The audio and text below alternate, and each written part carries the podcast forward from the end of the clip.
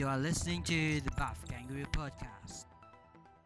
Assalamualaikum warahmatullahi wabarakatuh Salam sejahtera, nama budaya Om Swastiastu Sekarang gue lagi ada tamu terhormat kita Salah satu juarawan Pride Mas Wardi apa kabar? Halo, alhamdulillah baik sekali. Mantap Gue langsung oper ke Rehan aja di sebelah gue nih Sapa dulu Rehan What's up semuanya para followers Buff Kangaroo Podcast. Wih, kita hari ini nih, waduh tadi sebelum podcast nih disuguhkan ki dulu kita sama Mas Wardi nih. Bener-bener mejanya panjang tuh dari ujung ke ujung tuh makanan semua cuy. Jadi hari ini walaupun malam hari ini kita di tengah malam jam jam 11 malam loh ini ya ini podcaster malam kita nih.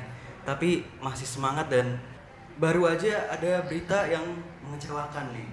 Tapi mungkin juga berita yang tidak mengecewakan buat Mas Wardi nih, yaitu berita gagalnya Rama Supandi eh, fight dengan Mas Wardi di tanggal 24 Agustus nih. Iya betul sekali. Bagaimana tanggapannya nggak nggak jadi fightnya Rama?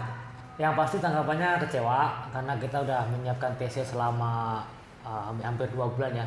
Tiga bulan berjalan ini gameplaynya kita khususkan buat Rama, strategi buat Rama, uh, pola latihan buat Rama. Pada akhirnya diganti itu sangat sangat kecewa. Nah, karena kita mesti ketika dapat lawan baru kita mesti ganti gameplay kembali dan ngatur strategi kembali itu repot sekali repot sekali sih kalau buat para fighter. Nah sekarang udah ada kabar belum sih pengganti dari Rama nih siapa? Kandidat terbesar itu kemarin dikabarin adalah Jeremy Seregar Iya. itu kakak kandung Pitu Siregar salah satu petarung top juga di Indonesia. Eh, dia background dari gulat. Saya lihat juga dari beberapa pertandingannya cukup bagus cukup menarik eksplosif. Ya saya mesti waspada itu. Waspada ya. waspada. Nah gameplaynya nih setelah dari Rama dan sekarang si Jeremy ini ya. banyak perbedaan nggak sih dari antara mereka berdua nih gameplaynya? Apakah harus benar berubah 100% apa ya cuma dikit-dikit aja disesuaikan gitu? kita eh, saya terutama saya dan tim merubah sekitar 70% gameplay itu hampir semuanya kita rubah. Karena pola permainan Rama dengan eh, Jeremy itu sangat berbeda. Eh, terus cara mereka catch control juga berbeda sekali. Nah ini mas, saya juga penasaran juga nih. Karena itu dia adiknya Pitu ya? kakaknya. Oh kakaknya Pitu, maaf Eh, Itu kan Pitu juga salah satu anggota ba- keluarga Balai Medan Jakarta Ya. Muay Thai kan? ya Eh, itu apakah ada halangan gitu? Apakah setelah dengar ka- dengar kabar itu Pitu udah kontak eh, Mas atau belum? belum belum ada kontak dan saya tuh nggak nggak ada masalah Nah, saya berusaha bekerja da- fight dengan profesional siapa pun musuh saya oke saya akan jabani Nah Mas, saya juga mau nanya lagi nih satu lagi nih apa? eh, karena udah ganti uh, ibaratnya lawan nih bener-bener style beda ya, di mana Beda sekali ya. eh, Pitu dan kakaknya itu orang gulat ya. Ya. Sedangkan Rama itu grappler, pure Ya, ya. pure grappler yang udah masuk MMA sama Pitu kalau belum pada yang tahu dia di One itu mengandalkan gulatnya gitu. Ya, Eh, betul. boleh kasih tahu nggak gitu apa bedanya kalau ngelawan seorang kayak Rama Supandi yang benar-benar BJJ dan ngelawan seseorang yang kayak Jeremy gitu. Oke, eh, perbedaannya di mungkin di posisi striking ya karena si Rama ini kan eh, ortodok ya. Oh, Rama sorry. southpaw, Iya. Nah, dia eh, sedangkan saya ortodok, saya mau nggak mau mesti nyesuaiin itu. Nah, sedangkan si Jeremy ini eh, sama kayak saya, mungkin agak sedikit mudah karena saya terbiasa ngadepin lawan yang ya sejenis dengan saya. Sedangkan untuk permainan grapplingnya itu masuk masuk kategori grappling ya menurut saya wrestling juga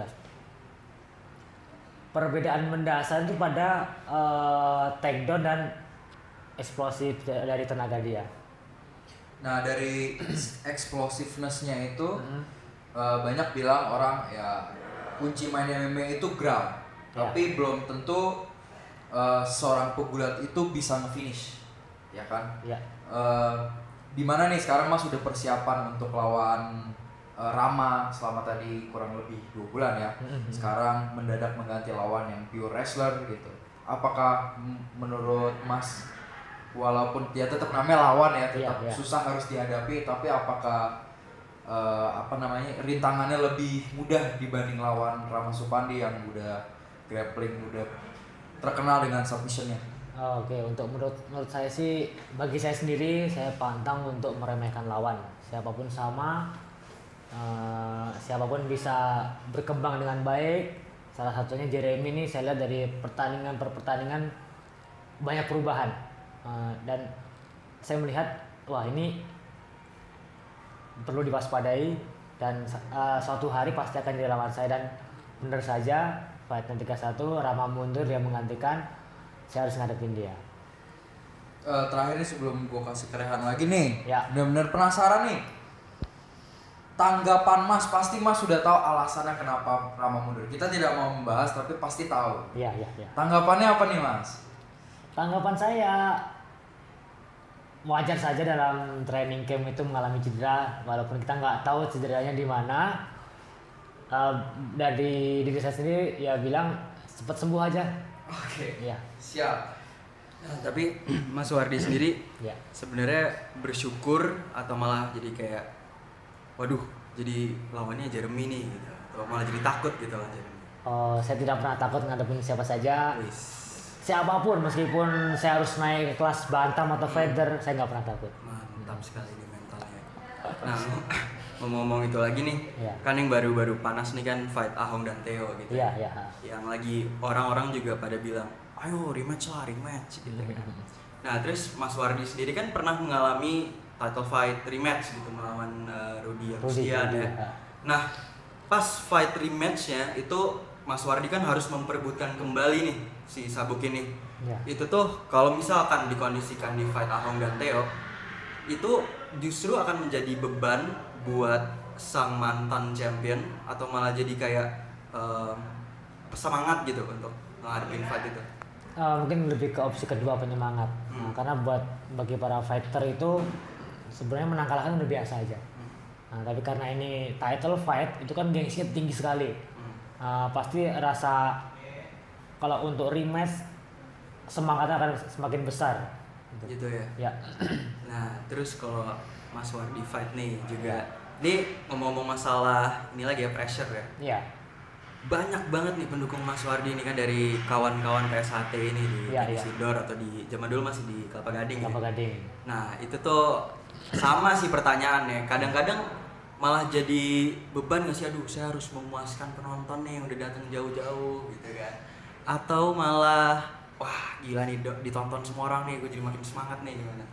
Untuk awal-awal tanding itu saya mungkin ngerasa seperti itu. Saya beban karena didukung orang banyak dan orang banyak itu kan harapannya kita menang. Hmm. Dan merasa seperti berat banget di pundak ini untuk uh, fight ke ring itu. Udah sangat berat banget. Nah setelah ngelewatin beberapa pertandingan saya ngerasa uh, mungkin ini saya dibalikin buat pemacu saya untuk semangat untuk bertanding Ngomong-ngomong PSHT nih Mas. ya uh, Eh, pernah at- eh, diimplementasiin gak sih? Bukan pernah deh. Diimplementasiin gak sih sebagai Mas salah satu anggota PSHT nih? Apakah ada unsur-unsur dari PSHT itu dimasukkan ke dalam training camp Mas? Di misalnya persiapan lawan Rama atau sebelumnya rematch atau sebelumnya. Uh, namanya juga MMA pasti banyak campurannya kan ada BCC, ada boxing, muay thai, kickboxing dan uh, mungkin kita juga bisa melihat beberapa pertandingan saya itu agak sedikit unik itu campuran silatnya sebenarnya di situ. Oh sebenarnya campurannya di situ Iya, ya? uh. Boleh dijelasin lagi tuh? Uh, seperti kemarin saat kunci terakhir itu modifikasi saya dari silat, BJJ sama wrestling. Jadi Oh. agak aneh sih tapi Agak aneh, tapi agak- masuk ya. masuk masuk masuk Iya. tapi itu ngomong-ngomong fight itu tuh benar-benar kuncian yang benar-benar kita nggak expect sih sebenarnya itu Iya banyak orang seperti Ah, itu. Kamera aja nggak nangkep, wasit nggak tahu, yang tahu cuma saya sama dan Ervin. nah pas itu emang udah tadi dibilang itu kombinasi kan itu emang benar-benar pernah di drill pernah dilakukan pada saat training camp atau kebetulan Ervin di posisi yang benar-benar pas untuk Mas mendapatkan itu. Maksudnya kayak beneran emang kakinya Mas juga benar-benar di tepat posisi untuk mendapat kuncian itu. Oke untuk teknik kuncian itu tetap saya harus drill. Karena nggak mungkin eh, saya bisa kebetulan langsung dapat di saat saya fight. Eh, saya dilihat itu bukan di tesis sebenarnya. Saat saya keseharian saya berlatih dengan teman, dengan murid saya, saya pernah coba-coba. Tapi saya belum berani eh, seperti ngajarin ke murid-murid karena menurut saya eh, ini masuk nggak sih ke orang gitu. Nah, dan ternyata saya pakai fight kemarin ya masuk. Dan itu benar-benar saya set up. Itu kelihatan banget. Saya nata tangan, saya nata kaki. eh, kemudian saya pindah ke atas. Itu benar-benar saya set up. Kalau boleh tahu belajarnya idenya dari mana tuh? Ada seorang kah atau misalkan lihat dari internet gitu kan sekarang? Mungkin saya ngembangin sendiri. Wih, Iya. keluar di kanan. Nah, di kanan emang benar-benar luar biasa nih. Nah, Mas, saya juga pengen penasaran Iya, nih. iya. Sebagai Mas sekarang instruktur di Jakarta Muay Thai ini Iya. dan juga ada di camp Nengok juga kan. Iya. Sebagai guru jiu-jitsu ya.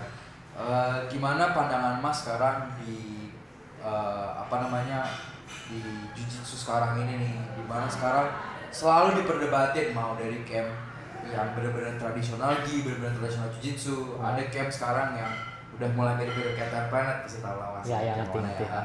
Eh, dari Mas sendiri pandangan terhadap black lock gimana? Apakah wak Mas udah punya murid eh, white belt udah langsung diajarin mungkin diajarin toho, mungkin nggak diajarin like heel hook. Sekarang gimana tuh? Oke, kita bahas masalah leg lock. Lock itu ibarat kata kayak aplikasi mungkin ojek online. Nah, kalau kita nggak ngikutin ya kita nggak ketinggalan, nggak pernah nggak pernah dapet aplikasi itu. Ya, sama halnya dengan uh, leg lock. Itu kayak seperti perkembangan dari uh, jiu-jitsu atau grappling dengan teknik-teknik baru. Ya, menurut saya sih kita bebas untuk mempelajari, kita pakai uh, untuk tanding, kita pakai untuk mungkin uh, drill harian. Nah, cuman pada saat saya ngajar, saya tetap akan memberikan kurikulum dasar uh, jiu-jitsu uh, sama kayak yang lainnya gitu. Ah, apa eh, ngomong-ngomong sekarang ya saya ngerti lah gitu apa tadi eh, Mas Wardi bilang nah itu gimana tuh sekarang kompetisi di BJJ sekarang di mana sekarang udah mulai eh, jarang kompetisi gi ya. Sekarang kebanyakan nogi nogi. Makanya Mas bilang tadi eh, murid-muridnya harus mulai beradaptasi Iya, iya. seperti itu tuh. Apakah itu challenge juga suatu tantangan buat mas kepada murid-murid mas supaya kayak oh eh, har- lo coba misalnya katakanlah salah satu murid mas mau latihan mau tanding nih. Hmm. gitu. Oh eh, kamu masih baru kamu belajar fundamentals dulu. Misalnya belajar guillotine belajar Ya, kuncian tangan kuncian ya. ya. Atau mas kayak oh ya udah paling gampang cari kaki aja. Uh, tetap saya ngajarin ke mereka itu ya teknik-teknik dasarnya kayak armbar, guillotine, kimura, uh, apa triangle. Itu tetap saya tanemin. Karena menurut saya kuncian kaki itu adalah kuncian putus asa sebenarnya. Karena dia nggak dapat posisi atas makanya ngambil posisi bawah. Karena ya wajar aja ada secara saintik badan kita kan 50-50 ya. 50% kaki 50% pinggang ke atas. Nah, yang jarang banget orang uh, protect itu adalah kaki. Nah, jadi ya wajar banget kalau uh, banyak banyak yang sekarang sekarang ini orang mengembangin teknik-teknik leg lock. Itu dari Mas Wadi sendiri nih kalau misalnya para pendengar mau mampir ke Jakarta Muay Thai atau ke Neo Fighting Camp nih, apa yang kita bisa expect kalau Mas Wadi ngajar? apa ya? Fun mungkin. Iya iya. Seperti kita fun ya Yo, iya. Kita, sebelum kita podcast kita benar-benar fun tadi. Ya, masalahnya kan apa ya kalau kita nggak fun segala bentuk materi ataupun hal-hal baru yang kita pelajari nggak akan masuk. Dibikin fun dulu dibikin nyaman baru kita masukin materi. Pasti dia akan terus nempel Sama kayak kita tadi disuguhkan dulu dengan makanan-makanan iya yang pasti sangat besok besok akan datang lagi Iya, Mantap, pastilah. Dan sampai sekarang kita dapat private room loh guys. Oh, iya. Nah, ya kembali lagi ke barusan ngomongin teknik BJJ gitu kan, Iya, iya. trennya segala macam. Nah sekarang juga yang lagi tren tuh eh, Mas Wardi kan juga punya background silat nih. Iya, Gue iya. pengen ngomongin silat juga. Nah lagi tren itu em, artis-artis silat Indonesia kayak Iko Uwais, kayak siapa yang main di Fast and Furious yang jadi satu Joe Taslim, Joe Nah, kayak Eh, Joe Joe Taslim enggak? Judo. silat Oh, bukan silat, judo, sorry. Eh, Yayan Ruhian berarti ya. Nah, dan teman-temannya lah.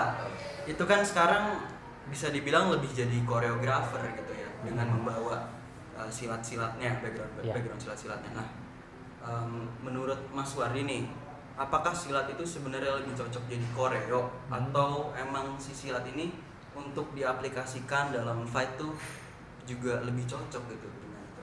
Oke, eh, jadi seperti ini ya. eh, pada dasarnya kan sebuah bela diri diciptain pasti untuk fight. Hmm. Eh, tidak mungkin kalau cuma buat untuk nari atau ngedance atau gimana gitu, nggak mungkin. Nah, namun dalam berjalannya waktu silat ini kebanyakan dipakai untuk sport. Dan sportnya kan dibagi dari dari tarung sama kembangan ya nggak salah. Seni Iya. tunggal itu. Iya. Nah, yang lebih ke dipakai sama artis kan seni tunggal ini yang Iya. keindahan terus gerakannya yang ah, kompak lah apa segala gitu. Iya. Tampak saya nggak ngerti juga. Nah, inilah yang membuat uh, fungsi silat sebenarnya itu hilang. Karena kalau kita masuk ke kampung-kampung yang lebih dalam, ke pelosok-pelosok, masih banyak kok silat-silat yang masih uh, untuk benar-benar bela diri, untuk benar-benar Iya. fight itu ada. Karena kebanyakan masuk ke IPSI, eh, bukannya saya menyalahin IPSI juga, eh, karena kan ini buat sport, mungkin Iya. demi keamanan. Makanya sisi-sisi bahaya itu banyak yang dihilangin. Ah, Sama oke, halnya oke, judo oke. mungkin. Iya, iya, Nah, iya, iya. Aikido juga dan lain-lain lah itu. Betul sih ya. Nah ngomongin silat lagi ini juga lumayan menarik nih karena kan salah satu atlet one kan dari Malaysia juga AJ Pyro ya dia backgroundnya silat juga ya masalahnya dia. Iya, iya ya. Tahu. Iya, kalau salah dia emang backgroundnya silat tuh. Maaf ya J Pyro. Nah ya ngomong-ngomong tarik eh, inilah throwback lah kita ke 5-10 tahun lalu Ah. orang Indonesia berdebat ah, gimana nih silat punya Indonesia apa punya Malaysia kalau komentar Mas War ini emang sebenarnya Malaysia juga punya silat mereka sendiri atau mereka ya sebenarnya ngambil dari budaya kita atau gimana tuh Eh, secara rumpun kan sebenarnya kita sama, Hmm. sama-sama Melayu yang sudah pasti kan wajahnya sama, budayanya Iya. sama gitu. Ya menurut saya sama yang tadi abang bilang, mereka yang punya sendiri-sendiri. Hmm. Tapi namanya sama gitu, karena kan bahasa kita kan sama kurang lebih. Ya eh, ada baiknya sebenarnya sangat disayangkan benar-benar diklaim salah satu itu. Hmm. Nggak apa lah mungkin ya kita milik kita bersama gitu, harusnya Iya. gitu gitu. bener sih ya gak usah klaim-klaiman lah ya Mm-mm. Ya tapi ya gimana kan itu masalah pride, Pride, ya, betul. ego dan lain-lain. one pride Iya. itu yang nyambungin ya bukan saya. kan promosinya situ Nah, lu udah kelar belum ngomongin silatnya? ya monggo silakan Kalau nggak masalah lu udah kelar belum ngomong ini kan? Nggak, ntar dulu simpan dulu lah Nah, dari Mas Wardi sendiri nih, Iya. eh, salah satu menurut gua ya, Mas Wardi salah satu fighter di One Pride yang bisa nge-market dirinya sendiri nih. Yang udah dapet sponsor, udah dapet sponsor yang jebol sponsor setuju, setuju. mobil, cuman Mas sendiri nih. Ini bajunya macam-macam guys. Lagunya guys. Orang ada logo buff kangaroo ya. Boleh sekali-kali. Oh mantap. Terus abis itu juga salah satu enggak sih. Mungkin kemarin tuh Teo Mahong jujur kita kaget mas saya bisa serame Tensional bisa full tuh gara-gara Iya, iya. Teo Mahong kita nggak expect itu. Tapi kalau misalnya Mas Wardi main nih, gua sendiri karena kan baru perdana ya kemarin Iya. ke One Pride di tenis indoor. Gua sendiri dari nonton Mas Wardi dari Gading sampai sekarang tuh pasti pasti penuh. Bener-bener sampai tribun-tribun tuh cuma punya dia doang. Sorry banget nih Paulo Mihi nih. Iya. Paulo Mihi bahkan setengah arena ini nggak ngisi gitu. Cuma Wardi doang. Mana Mas nih? Eh, boleh kasih tahu nggak? Eh, boleh kasih tips, advice, saran gitu loh buat fighter-fighter yang juga dengerin podcast ini gitu. Gimana sih caranya sebagai fighter nih, apalagi Mas Wardi nih untuk ngejual dirinya, jangan jangan jangan jorok ya, kira. Iya. jual dirinya Boleh juga sih ya. Iya. jual dirinya atau membuka dirinya ke masyarakat supaya orang banyak kayak Mas kan udah mendekati PSHT nih terus Iya, udah iya. akhirnya jebol dengan sponsor apakah ada trik khusus yang Mas lakukan? Eh, trik khusus mungkin enggak, cuman kan biasanya kan setiap fighter punya cara sendiri-sendiri ya. Kayak kemarin si Ahok sama Theo mungkin dengan eh, fight bacot dan fight bacot sorry. Menurut saya gitu, karena kan kalau secara pertandingan ya standar biasa. Betul. Ah, tapi karena mereka bisa menjual lewat Cywarnya yang Iya. ya ada beberapa orang yang bilang itu keren, ada yang bilang ah biasa aja gitu kan. Ada yang murahan yang bilang berkelas. Iya. Ya namanya kita netizen banyak sekali betul betul, uh, apa namanya tanggapannya. Eh, jadi kayak kita sudah diberikan sarana oleh di sini saya TV One ya. Iya. Eh, di marketingin gitu, ditampilin. Menurut saya itu modal saya untuk bisa ngejual lebih ya. Nah, dan yang kedua saya punya eh, media sosial. Ada Instagram, Facebook dan lain-lain. Nah, di situ kan saya berusaha munculin lah diri saya itu seperti apa. Hmm. Nah, ditambah ada beberapa kali saya juga mungkin itu mungkin bisa ditiru sama fighter-fighter lain juga ngasih seminar gratis sebenarnya. Itu jarang banget yang fighter-fighter mau. Saya kadang berangkat ke Pekanbaru, saya berangkat ke Kalimantan nggak dibayar. Hanya untuk menyebarkan eh, pengetahuan yang saya punya itu kurang lebih seperti ya kayak marketingin diri kita. betul Nah, di mana orang juga respect banget kan wah Misi Wardi baik bla bla bla bla gitu ya nggak apa-apa sih emang maunya kayak gitu Mm-mm. nah eh, di saat momennya udah pas baru kita hajar di sosmed kita keluarin kita seperti apa pembawaannya bagus ya otomatis masyarakat juga seneng kok Apakah sekarang Mas Wardi itu ngelakuin bener-bener sendiri? Apakah sekarang udah punya tim ya buat ngurusin segala macam? Apakah punya manajemen juga? Untuk tim saya cuman buat fight aja, TC. Nah untuk eh, kayak saya mesti masuk ke PT-PT besar, nyari, nyari sponsor itu saya sendiri. Oh. Ya itu nggak nggak gampang juga karena kan saya sering ditolak, saya sering diacuhin juga, dicibirin itu berkali-kali. Tapi ya enjoy aja, santai, nggak masalah. Iya, kuncinya sabar ya Mas. ya? Sabar ya ini. Sabar. Nah, terakhir nih tadi secara buat motivasi ya buat para pendengar ya supaya berusaha terus supaya sabar aja dengan usahanya. Eh tadi ngomongin training camp nih. Ya, sekarang udah dari salah satu misalnya contohnya pas persiapan gua terus ada persiapan beberapa orang eh eh, apa namanya eh, ada training camp sekarang yang tadi mas bilang udah bikin tim sendiri nih Ah. udah bukan nge- ngandelin camp gitu loh. Maksudnya ya mas oke masih nge-represent Asta tapi mas punya fighting sendiri yang khusus buat ngepersiapin mas nih. Ya, ya. karena Mas salah satu fighter yang senior dan juga di One Pride salah satu fighter yang komplit nih. Karena kita memuji tapi emang fakta aja. Emang memuji sih. Dan fakta.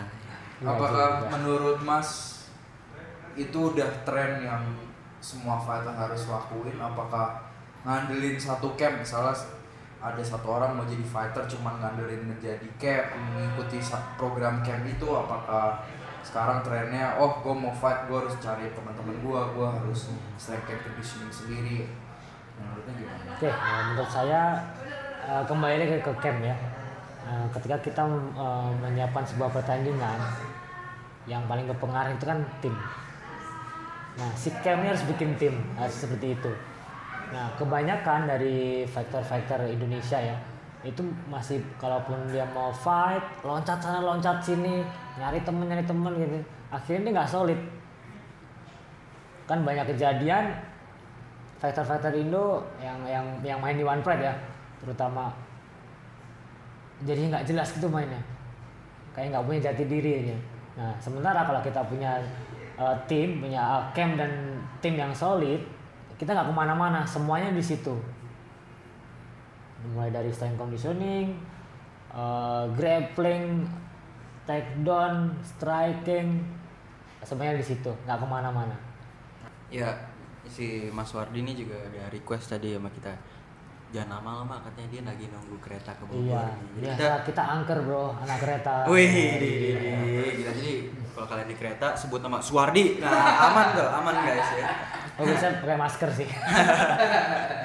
Iyalah artis. Artis.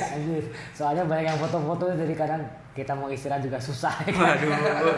Bukannya sombong ya kan. Bukan sombong tapi Iya. mau artis.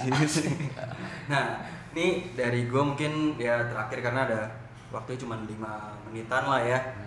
Em, ngomongin fightnya nih kan. Apakah ke depannya Mas Wardi ini akan mengincar sabuk abadi kayak si Gunawan Sutrisno Putra alias Iya, iya. GSP alias Wong Fehung Asik. atau Mas Wardi mengikuti jejaknya Rudi Agustian. hampir mau ngomong Rudi Gunawan Rudi Agustian ke promosi sebelah nih gimana nih Mas Wardi? Eh, saya mikir saya udah umur saya udah banyak.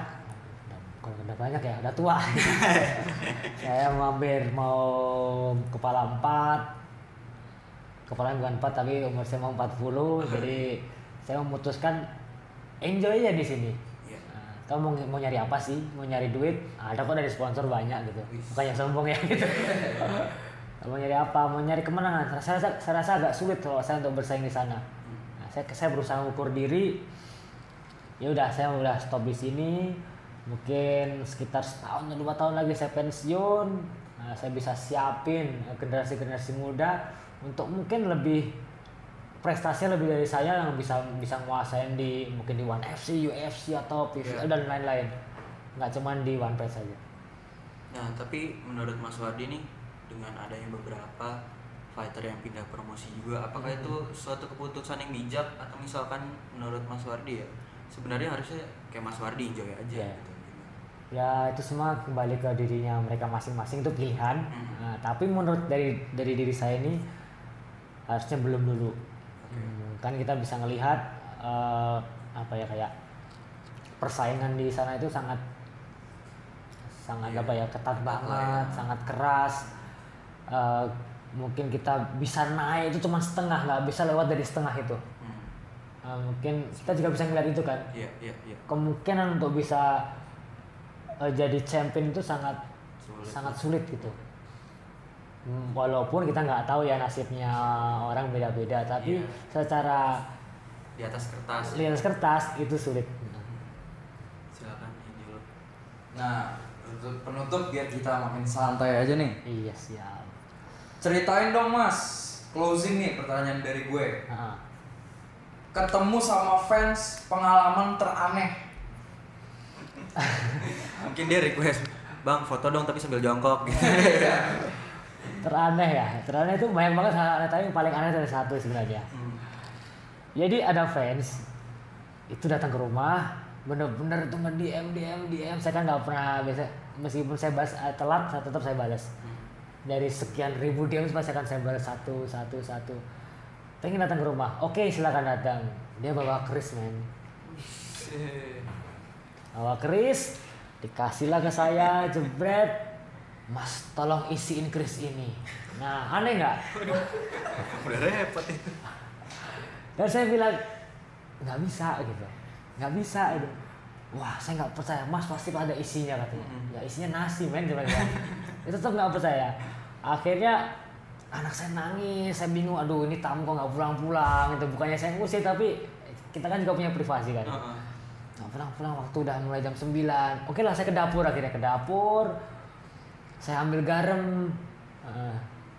udah saya ambil garam saya datang ke orangnya lagi cepet ini mas sudah saya isi. Ini ini garamnya tabur aja ke kerisnya gitu oke eh, terima terima kasih banget sampai cium cium cium tangan saya nggak sampai nggak nggak tega gitu ya gimana sih lah ya ketemu Habib ini bolak balik oke udah selesai itu dia telepon lagi mas beneran ini ampuh sekali jimatnya katanya ya mas saya sugesti kali itu tapi itu pengalaman teraneh yang saya temui sama fans Aneh sih. Dan mungkin hanya terjadi di Indonesia ya. Iya, Nah, betul sekali. terjadi di Indonesia. Mas Wardi, thank you banget nih udah Iya, waktunya. sama-sama. Terima kasih banget.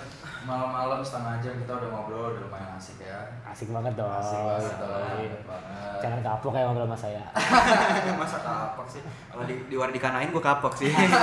agak lah saya baik hati kok Mungkin untuk ke depannya kita bisa collab untuk YouTube channel kali boleh ya. oh boleh dong Oh, iya dong. aman mau apa boleh yuk kita mengunjungi eh, mungkin yang banyak dinikmati adalah pencak silat ayo saya ajak kebetulan saya juga pengurus eh, PSHT pengurus pusat jadi saya punya akses ke mana mana enak contoh kita ke taman mini atau oke lah Iya, boleh banget sih, itu boleh banget ya. Itu apa-apanya. Tuh. Ada kata-kata terakhir sebelum kita pamit, kita dua habisin diri aja nih. Thank you banget ya guys udah dengerin. Abdi Reanto. Ya, buat Mas Wardi nih, eh, boleh dipromosikan tuh IG-nya apa? Apa tuh? Saya. Iya, Bang Igi. pemirsa di rumah nih. Iya. Oke, follow follow ya IG saya Steve Wardi ya itu aja. Itu aja ya. Ya, gitu. Kalau yang lain lain-lainnya nih kayak Asta atau yang lain gitu. Kayak bisnis Ah, oke, apa untuk- gitu yang Ada bisnis bisnis bisnis lainnya. Bro, bisnis saya banyak. Saya punya bisnis kopi kan, saya punya bisnis kosan. ya itu hasil cerita saya, jadi saya saya selama ini selama saya tanding. Kalian juga bisa nantinya seperti saya, ya. Nah, Ya mungkin kita bermain di skala kecil tapi menghasilkan gitu. betul. Yang penting menghasilkan sih. Betul. Pelan tapi pasti, Pasti. pasti, tapi pasti, Iya. pasti tapi PSHT Iya. satu hati. Jos ya. Ya, Mas Wardi, semoga bisa ketemu di episode-episode berikutnya. Nanti pasti Amin. lagi ya. ya, sukses terus ya buat kita. kita. Sukses terus Mas Wardi. Amin. Thank you guys, follow di Buff Kangaroo Podcast di Spotify Buff Kangaroo Podcast, follow juga IG kita buffkangaroo.pod. YouTube kita juga ada konten, nanti Mas Wardi ada di salah satu video kita Yo yo. yo. di Buff Kangaroo Podcast. Di follow dulu, di subscribe, tolong dipencet subscribe-nya, di like juga ya guys. Gue juga mau bilang terima kasih kepada kalian untuk eh, tadinya views kita pada breakdown awal-awal masih cuma 20 tapi karena netizen-netizen kita yang sayang sama kita dan yang kejam kita kita bisa reach 30k sekarang. Oh iya, Thank you. mantap. Mas Wadi sekali lagi thank you. Ya, Mudah-mudahan sama-sama. kita ketemu di dalam waktu dekat ini ya. Ya. Buff, see you.